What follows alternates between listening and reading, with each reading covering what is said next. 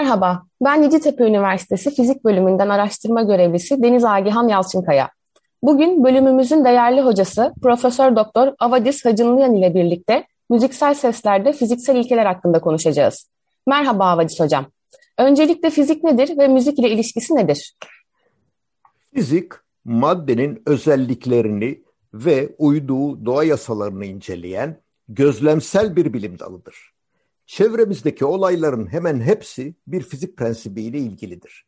Arabanın hızlanması, durması, motorunun işlemesi, ısınması, elektrik donanımının görevini yerine getirmesi, arabayı oluşturan parçaların temel yapı taşları neler olduğu, sürücüsünün yolu görmesi ve karşıdan gelen arabanın klaksonunu duyması gibi birçok örneği kolaylıkla verebiliriz.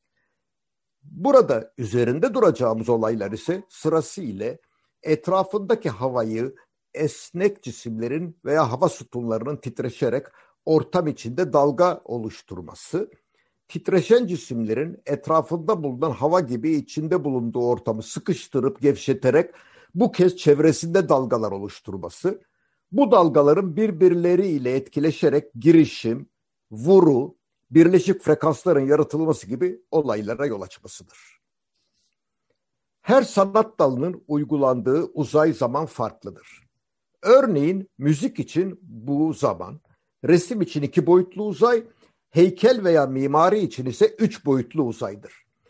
Fizikte madde ve hareketi mekanik dalını inceler. Burada da bağımsız değişken yine zamandır. Olaylar zaman boyutunda incelenir. Bir konserde eseri icra eden kemancı yayını keman teliyle sürterek bu teli titreştirmeye başlar. Titreşen tel havada belirli yapıda ses dalgaları yayar. Bu arada ona refakat eden piyanist de bir piyano tuşuna basar. Çekice benzer bir mekanizmanın piyano teline vurması sonucunda değişik yapıda bir ikinci dalgada buradan yayılır. Dalgalarda gözleyeceğimiz yapı farklılıkları piyano ve keman seslerini birbirinden ayırmamızı, dalgaların etkileşim şekli de çok sesli müziğin birçok özelliğini tanımamızı sağlar. Son olarak bu dalgalar kulak zarımızı etkileyerek müziği dinlememize yol açar. Bir ses kaynağından çıkan seslerin frekanslarını dikey eksende ve her kay frekansın hangi süreyle seslendirildiğini yatay eksende gösterirsek fizik laboratuvarında yapılan bir deney sonucuna bakıyor olabiliriz. Aslında deneyimiz London's Burning adıyla de bilinen İngilizce öğrenen her öğrencinin öğrendiği meşhur şarkının seslendirişinde kulağımıza ulaşan seslerin yatay eksende zaman, dikey eksende ise frekans olarak gösteriminden ibaret. Tümüyle farklı bir disiplin olan müzikte ise aynı olay bir nota ile gösteriliyor. Yine yatay eksen zaman, dikey eksen ise tizlik ve peslik yani frekans. Galiba fizik laboratuvarları ve konser salonları birbirlerinden o kadar da uzak değiller. Bir bilim dalı olan fizik ve bir sanat dalı olan müzik gibi ilk bakışta kafiyetli olması dışında hiçbir benzerliği olmayan iki değişik alanda aynı olayı anlattığı, her iki disiplinin birbirinden bağımsız olarak geliştirdiği gösterim şeklinin nedenli benzeştiği şaşırtıcı ancak çok anlamlı bir gerçek. Dikkat edilirse yatay olarak birinde saniye, birinde ölçü bilimi ifade edilen zamanı görüyoruz. Dikey olarak da icracıya göre hangi notanın seslendirildiğini, fizikçiye göre de hangi frekansı yayıldığını görüyoruz. Böylece fizikle müziğin yakın bir ilişki içinde olduğunu, müziğin algılanmasında rol oynayan A elemanların fiziksel kavramlara dayandığını hissedebiliyoruz. Bu ilişkiyi daha da somutlaştırmadan önce işitme organımızın çok önemli bir özelliğini burada hatırlatmadan geçemeyeceğim. Duyabildiğimiz sesler saniyede 20 ile 10 bin salınım hertz arası frekansı ve 10 üzeri eksi 6 ile 10 üzeri eksi 15 watt bölü metrekare şiddeti olan salınımlardır duyulabilen en alçak ses genliğinin 10 üzeri eksi 9 santimetre olması da ilginçtir. Bunu bir atomun yaklaşık yarı çapı olan 10 üzeri eksi 8 santimetre ile karşılaştırınca kulağımızın olağanüstü duyarlılığını çok iyi anlarız. E, bu durumda müziği nasıl tanımlayabiliriz? Bir müzik eserinin yapı taşları ve bunların fizikle ilgisi nelerdir? Müzik genellikle kulağa hoş gelen sesler olarak ifade edilir. Shakespeare 12. gece oyununda eğer müzik aşkın gızası ise çalmaya devam et sözleriyle müziğin insanları sevgiye yönlendirdiğini anlatır. Müzik eleştirmelerinden Hanslick seste hareket eden şekil, Mozart ise müzik notalarda değil aradaki sessizlikte demiştir. Mozart'tan etkilenmiş olan yazar Hoffman şaşırtıcı vurguları içimizde yankılanarak bizi daha olgun ve doyurucu bir yaşama kavuşturan uzak ruhun esrarengiz dili e, George Bernard Shaw ise her zamanki esprisiyle lanetlenmişlerin iksiri tanımını vermiştir. 20. yüzyılın müziğini tasarlayanlardan Mahler, müzik sadece düzenli seslerden ibaret değildir ifadesini kullanmış. Beethoven bunu bir üst boyuta taşıyarak müzik insanlığı kavrayan ama insanoğlunun kavrayamadığı yüksek bilgi düzeyine tek bedensiz geliştir demiştir. Bir notasını uymadan bir sonraki yüzyılın müziğin önünü açan birine gayet uygun bir cümle. Müziğin bilimle ilişkisinin farkında olduğu açıktır. Müziği seslerin ve sessizliğin zaman içinde bilinçli bir şekilde düzenlenmesini konu olan bir sanat, beceri ve bilim dalı olarak tanımlamanın en doğru ve en anlamlı tanım olduğu umarım bu sorunun sonunda anlaşılacaktır. Müziğin konusu olan sesler titreşim ve dalga hareketinden kaynaklandığı için titreşimi biraz daha yakından incelemek yararlı olacaktır. Titreşim zaman içinde tekrarlanan harekettir. Kararlı dengeye yakın tüm sistemlerin denge konumu dolayındaki hareketini yaklaşık olarak temsil eder. Hareketin birim zamanında tekrar ediş sayısı frekanstır. Hareket tekrarında aynı noktanın aynı yönde ve aynı hızla geçilmesi esas alınır. Bu birim zaman dalgaladığımız dalga sayısına da eşittir. Çıkan sesin frekansının zamana göre değişimini her iki dalda yakın şekilde göstermiş oluyor. Denge konumundan olan azami sapma ise genlik olarak adlandırılır. Bu da dalganın ve sesin şiddetini belirler. Müzik yazımında ise PP, P, MFF olarak gösterildiği e, gibi fiziksel olarak zamana göre artma ve eksilmesi de küçüktür veya büyüktür dinamik işaretleriyle gösterilir. Bunu bir fizik laboratuvarında gösterseydik herhalde daha basit bir gösterim yetecekti. Müzikte nota yazılımını belirlerken gerisindeki fiziksel prensiplerin çoğu bilinmiyordu. Buna rağmen ortaya çıkan şaşırtıcı benzerlik zekanın daldan bağımsız olarak benzer sonuçlara ulaştığını açık olarak ortaya koymaktadır. Rastlandı olamaz. Müziğin algılanmasında rol oynayan beş ana eleman vardır. Tümü fizikle yakından ilgilidir. Bir, zamana ait olanlar. Ölçü, vurgu, tempo, ritim gibi özelliklerdir. Zaman aralığı kavramı ile zaman içindeki değişimi ifade eden hız kavramına dayanır. Tonaliteye ait olanlar. Batı müziğinde ıskala, Türk müziğinde makam, aralık, perde ve dizi gibi özellikler olup frekans kavramına dayanır. Tınısal dinamiğe ait olanlar dinamik, tını, enstrümantasyon, ifade, karakter gibi özellikler olup dinamik ve ifade genliğe ve genliğin zaman içindeki değişimine tını, enstrümantasyon ve karakter gibi özellikler ise seste hangi frekansların bulunduğuna ve bu frekansların her birindeki şiddete bağlıdır.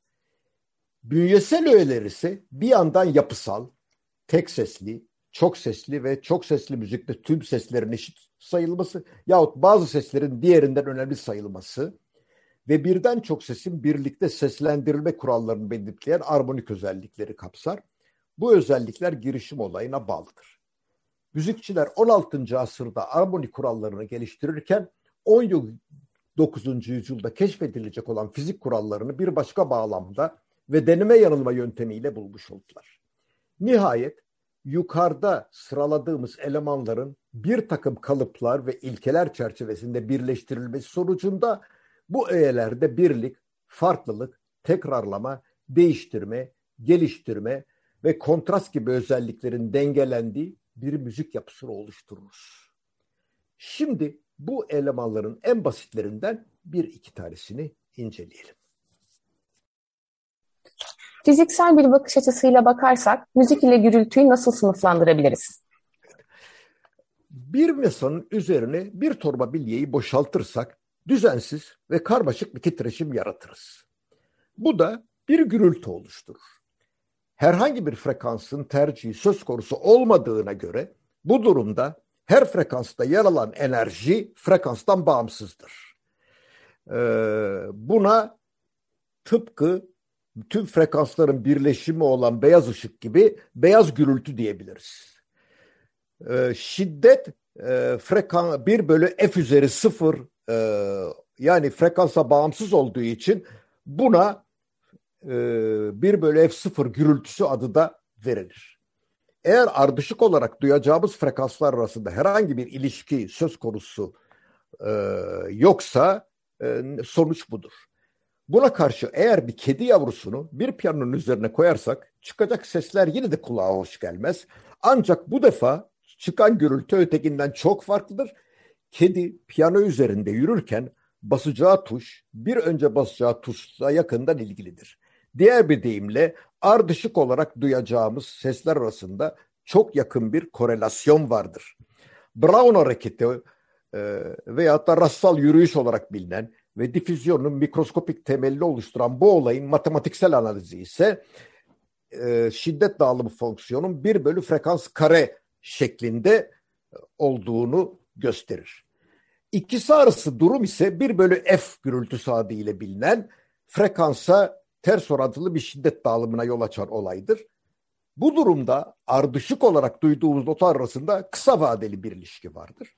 Her nota belki bir ya da iki nota öncesini hatırlayabilir, daha öncesini hatırlayamaz. İlginç olan husus acaba müziğin bu gürültülerden hangisine ya da hangilerine benzediğidir. Pigme ve uzak doğu folklorundan batı sanat ve popüler müzik türlerinin yaklaşık olarak hepsinin bir bölü F dağılımına uyduğu ancak eğimde sistematik sapmaların varlığı da gözlenmiştir. Kaotik yapılar sonucu ortaya çıkan fraktal yapının da bir bölü F dağılımını vermesi ilginç ve anlamlıdır. Fraktallerin en önemli özelliği karakteristik bir boyutu olmamaları ve şekil ne kadar küçülsek küçültelim yine kendine benzer yapıları görmemizdir. İşte boyutu kesirli bir değer alan, yerleştiği topolojik uzayın boyutlarından büyük olan, kendine benzer, geometrik yapılardan oluşan, gözlenebilir boyutu, gözleme mesafesine bağlı olarak değişen bu gibi yapılara fraktal denir. Tam kendine benzerlik limitinden bazı sapmaların olması da müzikte bir miktar rastgele gürültü, bir miktarda kural ve korelasyonun yer aldığını anımsatır. Bu nedenlerle müziğin bilimsel ve matematiksel modellenmesi şu ilginç sonucu verir. Altta yatan matematiksel ve fiziksel bir yapı kesinlikle vardır. Ancak tüm doğal süreçler gibi burada da rastgele sapmalar bulunur. Telli ve nefesli çalgılar ile elde edilen müziğin arkasında yatan fiziği nasıl açıklayabiliriz? E, gerili bir teli titreşince düzenli ve basit bir dalgayı oluştururuz. Telin iki ucu salınmaz, diğer noktaları ise değişen genliliklerle salınır. Ortaya duran dalga denilen ip atlamada gördüğümüz görüntüler oluşur. Telin uzunluğu sabit olduğuna göre tel 1, 2, 3, 4 halka şeklinde salınacaktır. Telin hareket etmediği noktalara düğüm noktaları adı verilir. Telin sabit uçları düğüm noktaları olduğundan telin salmış şekillerini araya düğüm noktaları koyarak elde edebiliriz. Dalga uzunluğu tüm bir salımına eşit olduğundan denge noktasının her iki yönde geçildiğini hatırlarsak iki düğüm noktası arasındaki mesafe dalga uzunluğunun yarısıdır. Telin en halka halinde salınması durumunda tel uzunluğu L n kere lambda bölü 2 olacaktır. Burada da frekansla dalga arasındaki hızı veren e, bağıntıyı kullanırsak e, frekansların temel bir frekansın tam sayı katlar olduğunu görürüz. Bu sonucun elde edişi bazı izleyicilerimize teknik gelebilir. Ancak burada önemli olan husus telin temel frekansının tek halka olarak salındığı e, durum olacağı. Diğer frekansların ise bu temel frekansların tam sayı katları olacağı. Biraz daha teknik bir nokta. Telin e, gerilimi dalga hızının kare köküne doğru orantılı. Birim uzunluğa düşen e, kütlesinin kare köküne ters orantılı olduğundan bu fizikçilerden önce aslında müzikçiler tarafından keşfedilmişti. Notaları belirleyen özellik frekans olduğuna göre sazların akort edilmesi için teldeki gerilimin arttırılarak sesin tizleştirildiği, azaltılarak pesleştirildiği, yaylı sazlar çalınırken değişik notaların elde edilmesi için telin uzunluğunun değiştirilerek yahut piyanoda değişik uzunluklu tellere vurularak frekansın uzunluğuna ters orantılı olmasından yararlanıyordu. Tiz sesler için ince ve kısa, kalın sesler için kalın ve uzun teller kullanılıyordu. Nitekim viola kemandan, violonsel violadan, kontrabas ise violonselden daha büyük bir sazdır. Piyanoda pes seslerin telleri, tiz seslerin tellerinden daha uzun ya da daha kalındır.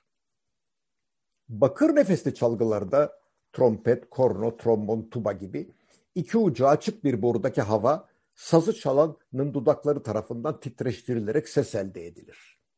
İki ucu açık olan bir borudan çıkan sesler yine temel bir frekansın tam sayı katlarıdır. Temel frekansı belirleyen uzun da sazın uzunluğudur. Trombonda kayan bir parça yardımı ile bu uzunluk değiştirilerek değişik notalar elde edilir. Bu nedenle kromatik ıskalayı çalabilir. 1835'te pistonlu Fransız korrosu ve trompet imal edilmeden önce korro ve trompetler her sesin doğal armoniklerini yani tam sayı katlarını çalabilirdi. Askeri amaçlarla kullanılan bakır nefesli sazlarda çalınan temallarda sadece bazı notaların yer aldığını hatırlarsak özellikle tonalitesi sık değişen hızlı tempolu eserlerde nefesli sazlar için partisyonlarda her tonalite değişiminde sazları çalanın sazını değiştirmesi için zaman verildiğini, bunun da zorlamalara yol açtığını biliriz. Bunun en açık örneklerden biri re minör bir bemol arızalı ve re majör iki diyez arızalı arasında durmadan oynayan Beethoven'in 9 numaralı senfonisinin ikinci bölümü yine aynı eserin re minör, re majör, si bemol majör başta olmak üzere altıdan fazla tonalite arasında geçiş yapan son bölümüdür. Özellikle re majör tonalitede olan ilk korolu kısımdan si bemol majör tonalite ve Türk marşı olarak bilinen kesime geçişte korolu kısım biterken ağırlık koro ve yaylılara verilerek bakır nefeslere sazlarını değiştirme fırsatı verilir. Türk Marşı başlamadan önce 8 ölçülük bakır nefeslerin çaldığı bir ritmik pasaj sırasında bu kez klarnetçiye zaman verilerek klarnetini değiştirmesi sağlanır. Tahta nefesleri ise iki aileye ayrılır. Bir bölümü çift kamışlı olarak bilinir. Flüt, obua, fagot ve kontrfagot gibi sazları içerir. Kamışlar hava sütunun titreşimi sağlarlar. Bunların açık olan uçları salırımın olmadığı, düğün noktaları değil de en çok olduğu karın noktalarını oluşturur. Ancak ve karın ve düğün noktalarının birbirini izlemesi gerektiğinden gözlenen frekanslar yine temel bir frekansın tam sayı katlarıdır. Bu sazların üzerinde bulunan delikler açılarak titreşen uzunluk değiştirilebildiği gibi bu sazlardan tüm sesleri elde etmek mümkündür. Tek kamışlı tahta nefesler ise klarnet ailesini oluşturur. Bunlardaki hava sütunun bir ucu kapalı, bir ucu açık bir borudur. Kapalı uç düğüm, açık uç karı noktası şeklinde davrandığından bu tür bir sazda gözlenen frekanslar temel frekansın tek sayılı katlarıdır. Bu sazlarda da titreşen hava sütunun uzunluğu tek kamışlarda olduğu gibi sazların üzerinde bulunan delikler açılarak değiştirilebilir ve tüm sesler elde edilebilir. Değişik sazlar aynı notayı seslendirebilir. Ancak sesin tınısı, sesin hangi sazdan kaynaklandığını belli eden özelliktir. Tınıya karşılık olan fiziksel özellik biraz önce bahsettiğimiz temel frekans ve üst harmoniklerdeki şiddet tayfı yahut enerjinin frekanslara dağılımıdır. Bu da değişik sazların kendilerine özgü sesler oluşturulmasına neden olur. Örneğin piyano diyapazon lasına çok daha yakın bir ses verirken kemanda üst armonikler daha yoğundur. O buada ise kemandaki kadar olmasa da üst e, armonikler dalganın şeklini önemli ölçüde değiştirmiştir. Makamsal Türk müziği ve çok sesli Batı müziğinin yapısal farklılıklarını nasıl açıklayabiliriz? Müziksel aletlerin bir temel frekansın üst armoniklerini ürettiğini belirtmiştir. Pistonsuz bakırlı nefeslerin yalnızca bu sesleri üretebildiğini söyledik. Burada yeni iki müziksel kavram tanıtacağız. İki ya da çok sesin birlikte seslendirişine armoni, birlikte seslendirilen seslerin temel oktava indirilme sonucu elde edilen frekans oranında aralık adını vereceğiz. En basit aralık temel frekansla bunun ilk katı olan 1'e 2 oktav aralığıdır. Temel frekans 256 Hz'lik do sesi ise ikinci armoniyi bir oktav üstteki 512 Hz'lik do sesidir. Üçüncü armoni ise 768 Hz frekanslı sol sesidir. Ancak bu sol sesinin bir oktav altında da frekansı bunun yarısı olan 384 frekanslı sol sesi olduğuna göre do ve sol seslerinden oluşan aralığın oranı 2'ye 3 olacaktır. Buna beşli denir. Daha sonraki harmonikleri sayarsak dördüncü harmonik 1024 Hz'lik üst do sesi, sol ve do'dan oluşan 3 bölü 4 oranına da dörtlü adını veririz. Beşinci harmonik 1280 Hz'lik mi sesidir. Do ve mi'den oluşan 4-5 oranlı aralığa majör üçlü adını veririz. Altıncı harmonik, üçüncü harmonik olan sol sesinin bir oktav üzerindeki 1536 Hz'lik üst sol sesidir. Mi ve sol seslerin oluşturduğu 5-6 orandaki aralığa mi minör üçlü adını veririz. Yedinci harmonik 1792 Hz'lik si bemol sesidir. Sol ve si bemolden oluşan 7-6 orandaki aralığa indirilmiş üçlü Si bemol ile 8. harmonik olan do üstünün oluşturduğu aralığa ise majör ikili tam ton adını veririz. Bu aralıklar iki nedenle önemlidir. Müzikler birbirine uyumlu seslere e, konsonans, uyumlu olmayanlara disonans denilir. Bu konuyla uğraşan ilk matematikçiler olan Pisagor'un seslerinin uyumu için verdiği kıstas, birlikte seslendirilen seslerin armoniklerinin mümkün olabildiğince çakışması, uyuma, çakışmaması ise vuru ya da birleşip tona denilen kulağı tırmalayan yeni sesler yaratacağı için uyumsuzluğa yol açar. Tüm o harmoniklerin çakıştığı oktav ve 12'li 1'e 3 ile pek çok harmoniğin çakıştığı 2 bölü 3, 3 bölü 4, 5 bölü 4, 6 5 yani e, majör, minör üçlü ve majör altılıya kadar aralıklar e, uyumlu aralıklar olarak bilinir. Disonans aralıklar ise 9 bölü 8 oranındaki tam ton, 16-15 oranındaki yarım ton, 15-8 oranındaki majör yedili ve minör yedilidir. Frekans oranı yakınlaştıkça birlikte seslendirilme vurulara yol açarak uyumsuzluğa neden olacaktır. Böylece oktavı da parçalara bölerek bir takım notalar elde etmiş oluyoruz. Eğer bu probleme sadece beşlilerden başlayarak devam eder ve 3 bölü 2 oranlı ardışık olarak uygularsak Pisagor skalasını elde ederiz. Bu durumda 2 bölü 3, 3 bölü 2 ile devamlı çarparak ve 2'yi geçince 2'nin uygun kuvvetiyle bölerek şey yaparsak ardışık seslerin oranlığı 9 bölü 8, 9 bölü 8, 256 bölü 243, 9 bölü 8, 9 bölü 8, 9 bölü 8, 256 bölü 243 veyahut da müzikçilerin aralık deyimiyle 1, 1, yarım, 1, 1, 1, yarım rakamlarını elde ederiz. Bu işte meşhur majör skaladır.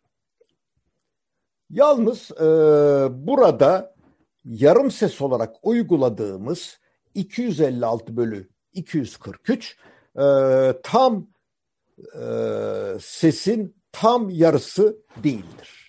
Demek ki iki yarım ses bir tam sese eşit değildir. Arada bir fazlalık vardır. Buna e, koma veya bakiye adı verilir.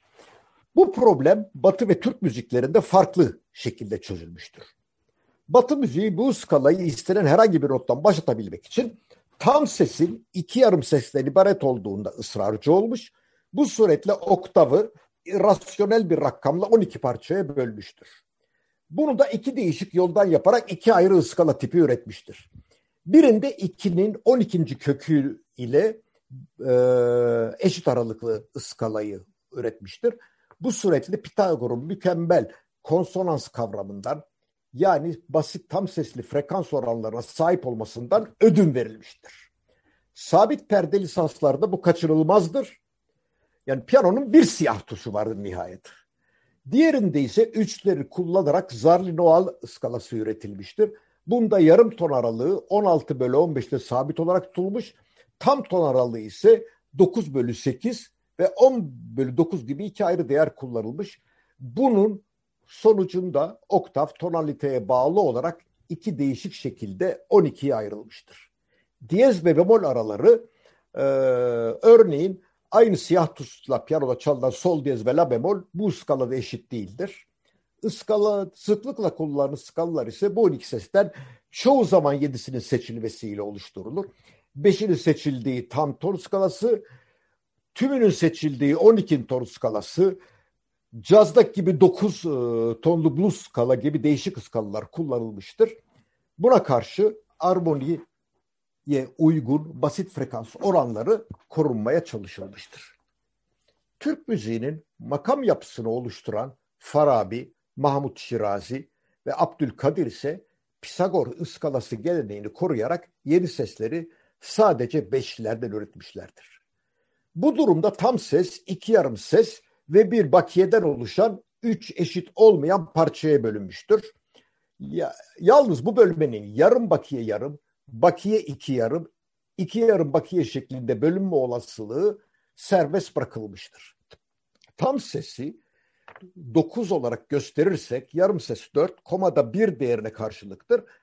Bu e, suretle oktav belirli bölümde 17 e, ise iki yarım artı bir bakiye olarak e, göze çarpılır. Üçlü grup halinde gösterilen bölmedeki olasılıklar e, e, göz önüne alınırsa oktavın bir bölü kullanılmayan 47 parçaya bölündüğü söylenebilir. Gerek koma ve yarım seslerin değerleri gerekse oktavın kaça bölündüğü hususunda Türk müziği otoriteleri arasında tam bir fikir birliği yoktur. Bu sorunun kısmi yanıtı ancak değişik üstadların icraları üzerinde yapılan ölçümlerle alınabilir. Buradaki ilginç husus yarım sesin bile dörtte biri boyundaki komanın makamın doğal parçası olması sonucunda basit frekans oranlarının tutturulmasının olanaksızlığıdır. Komanın Türk müziğindeki yeri ve frekansların yakılı nedeniyle Türk müziğinin çok sesli hale getirilmesi zordur. Ancak Batı müziğinin ıskalları kullanılarak Türk müziğinden esinlenen parçalar vardır. Bunun bir örneği Münir Nurettin'in Kalamış şarkısını önce kendi sesinden sonra da Timur Selçuk Emel Sayın düzenlemesinden dinlemek olacaktır. Buna karşı Batı müziğindeki 12 majör ve 12 minör skalaya karşılık Türk müziğinde çok daha yüksek sayıda makamlar vardır ve yenileri de üretilmiştir. Sonuç olarak müziğin tümüyle fiziksel bir olayla ilgili olması yanında müzikçilerin de gözlemsel olarak bir takım fizik kurallarını kendi dilleriyle anlamış olmaları, bunların bazılarında ellerini bilim insanlarından daha da çabuk tutmuş olmaları ilginçtir. Her iki dalda da olağanüstü yetenekli kimselerin olağanüstü katkılar verdiği ancak Helmholtz'un meşhur kitabını yazmasına dek bu iki dal arasındaki yakın ilişkinin pek farkına varılmamış olduğu açıktır istisnalar bir yana. Şu anda kurumsallaşmış fizik öğretim programlarının aşırı surette modern fiziğe yönelik müfredat uygulamaları sonucu fraktal yapıların öneminin anlaşılmasına dek bu bağıntıyı inceleyenlerin sayıları sınırlı olmuştur. Umarım e, yeni bir dünyaya sizi iletebilmiş oldum. Avadis Hocam size bu değerli bilgileri bizimle paylaştığınız, müzik eserlerine fiziksel bir gözle de bakmamızı sağladığınız için teşekkür ederim. Ayrıca da bu podcast çalışmasının gerçekleşmesinde emeği olan herkese, özellikle fizik bölüm başkanımız Vildan Üstoğlu Ünal hocamıza teşekkür ederim. Ben de e, yine fizik bölüm başkanlığına ve sizi e, benimle çalışmak için e, görevlendirdiği için e, ona ve size ayrıca teşekkür ederim. Teşekkürler hocam. Saygı ve sevgilerimle.